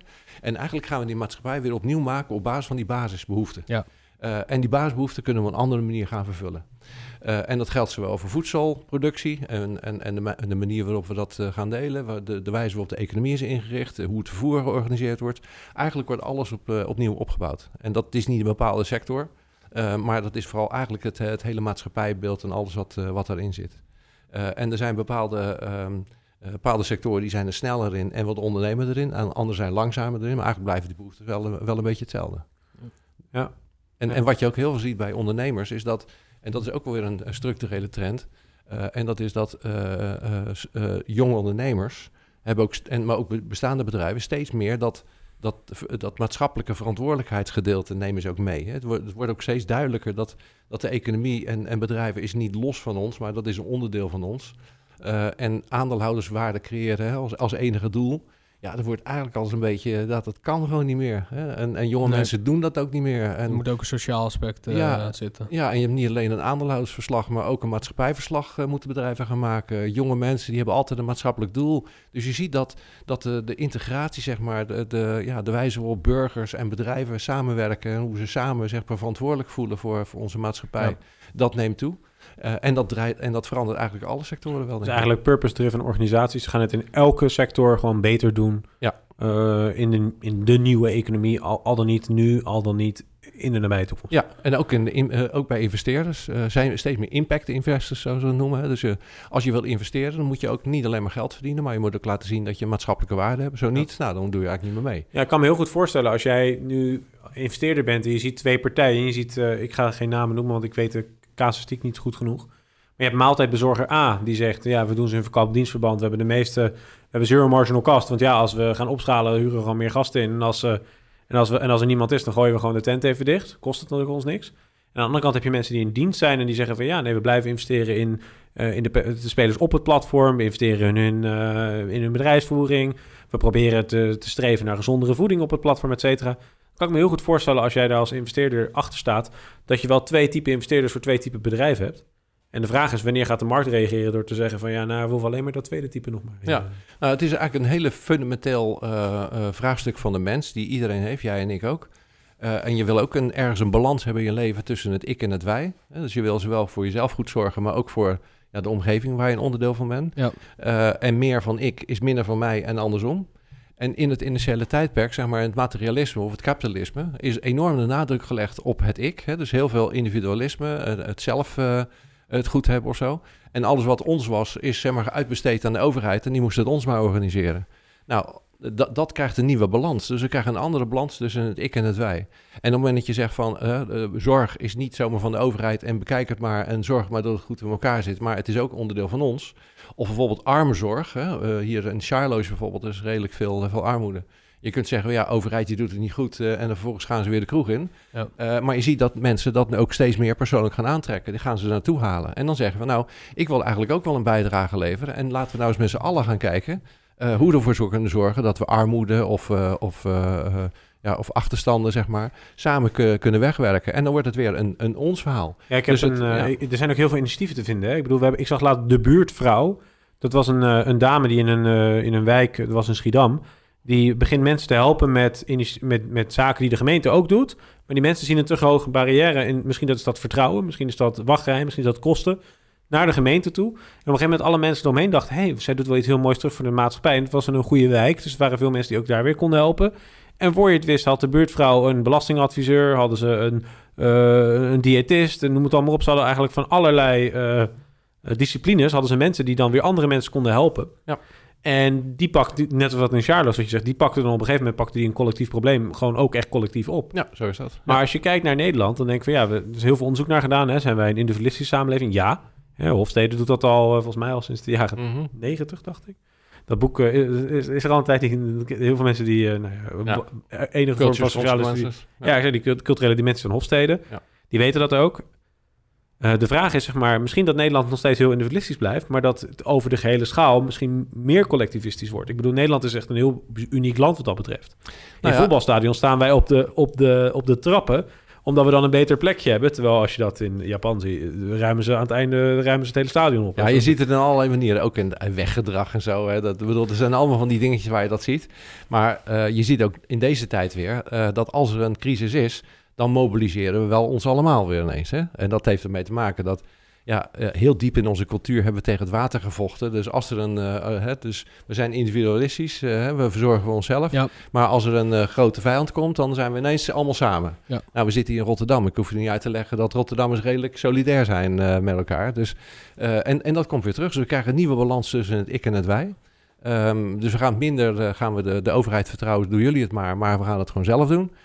Steeds meer burgerinitiatieven. De, de kloof tussen burgers en overheid wordt gedicht, met name door de burgers zelf, die zeg maar dat, eh, eh, dat gaan opvullen. En dat levert een hele andere manier van samenleven op. We gaan voor elkaar zorgen. En we gaan eh, armoede gaan we aantrekken. We gaan zelf zorgen voor, voor voedsel maken. We gaan zelf zorgen voor het Ja. organiseren van, van, van eh, lokale uitruil van, van diensten en van producten die we maken. Ehm, ja, dat is een, een, ja, eigenlijk een hele andere balans tussen het ik en het wij. En Maar dat, ga ik richting het einde toch een beetje negatief doen, eh, Bob? Want dit klinkt natuurlijk allemaal hartstikke mooi. Eh, ja, en we hopen zo was het wel bedoeld, ja. Zo was het wel Ik dacht, bedoeld. laten we het leuk eindigen, maar... eh, Nee, Jeetje, nee, maar- Lorenzo, ik ben nu Ja. wel heel benieuwd wat er gaat Ja, komen. ik ja, ook. ja. Ja, ben heel benieuwd. Ehm, nou, wat ik, wil- wat ik wil vragen. ehm horecazaken zijn tot 6 april dicht. Ehm, 1 juni, toch? Eh, Nee, ze- horeca komt, zo, komt er om 6, of, of, op, op 6 april komt er, eh, komt er nieuwe informatie voor horecaondernemers. Nou, dat zou misschien tot 1 juni kunnen. Tot 1 juni zijn er geen evenementen. Ehm, dit heeft natuurlijk ook desastreuze, desastreuze gevolgen voor de, voor de economie. En er gaan nog heel veel mensen Ja. werkloos worden. Ja, Kunnen we dat opvangen Ja, überhaupt? we hadden, we hadden van de week hoorde ik een casus volgens mij in, eh, van jou, Lorenzo, dat er iemand was, een eventmanager. En die werk, die, dat was niet voldoende om van te kunnen leven, dus die had een bijbaantje in de horeca. Nou, dat is, eh, nou ja, goed. Nou ja, sommige economieën is het heel gebruikelijk dat je twee of drie banen hebt, anders kun je niet... eh, Ja, maar, Ja, zij, maar zij, is dubbel, zij is dubbel getroffen, bedoel ik meer. Ja. Dus Ja. eh, hoe Ja. lang kunnen we dat nog... eh, ja, wat gaan we daarmee doen met al die mensen? Want dit klinkt natuurlijk hartstikke mooi. En we kunnen mensen een aantal maanden een, een uitkering geven. Dat, dat is ook hartstikke mooi. Maar als je geen buffer hebt of je leeft van maand tot maand, wat heel veel mensen doen, dan heb je nu echt een uitdaging met je hypotheek, met je kinderen, die je, Absoluut. eh, Ja. met je huur, nou noem maar. Nee, dat is absoluut. Kijk, als we echt in een recessie terechtkomen, wat, en die kans is wel vrij groot. Eh, dat levert altijd banenverlies op en, eh, en, en faillissement eh, van, van bedrijven en, en van mensen. Dat is echt een eh, fase waar je serieus rekening mee moet houden. Er is wel een tussenfase of voor, voor de periode daarna, zeg maar. En dan, is, eh, dan kom ik weer terug op het verhaal van de net. Dan gaan we niet dezelfde manier eh, een economie bouwen. We gaan als het ware een andere economie bouwen met meer solidariteit, meer decentrale eh, organiseren. En dan ga je van het begin af aan ga je het weer, eh, ga je het weer ophouden. En nogmaals, mensen die hebben, die hebben vooral behoefte aan een goed leven. Dat wil zeggen veiligheid en gezelligheid en vrienden en, en Ja. dat je kunt verplaatsen. Mhm. En dat zijn de ingrediënten om zeg maar een hele nieuwe economie te gaan maken. Ja. En, en vroeger had je echt werk nodig aan een lopende band om inkomen te hebben. En dan kon je dan daarna uitgeven. Ja, en nu kun je decentraal dingen gaan organiseren, uitruilen, produceren. En ja, dat levert een heel andere economische structuur op. Het is een reset. Het is een reset. Een reset. Een reset, ja. Een reset, eh, misschien niet op korte termijn niet zo leuk. Op lange termijn misschien wel heel erg noodzakelijk. Ja, en de strategen zeggen altijd, never waste a good crisis. Hey, dat is een hele mooie om eh, mee te eindigen, Bob. Eh Dank je wel weer voor deze, voor deze Ja. podcast. Live tijdens de, eh, ja, tijdens de persconferentie, waar weer wat nieuwe maatregelen... Wel uitkijken, Lorenzo. We staan nu op anderhalve meter. Ik wil ook met anderhalve meter uit elkaar de Ja, ruimte verlaten. Want anders loop ik, ik... Ik hou niet zo van boetes. Nee, eh, het is inderdaad eh, serieus, de, de maatregelen. Nou, we gaan het zien. Ik vind, ja, ik vind het heel spannend en eh, volgens mij vindt iedereen het heel erg spannend. En het leuke is ook, nou, herhaal hem nog even één keer voor, voor het einde, want dat is een hele mooie titel gelijk voor, voor deze podcast. Never waste a good crisis. Ja, heel vet. Ja, dank jullie, dank jullie wel. Graag gedaan.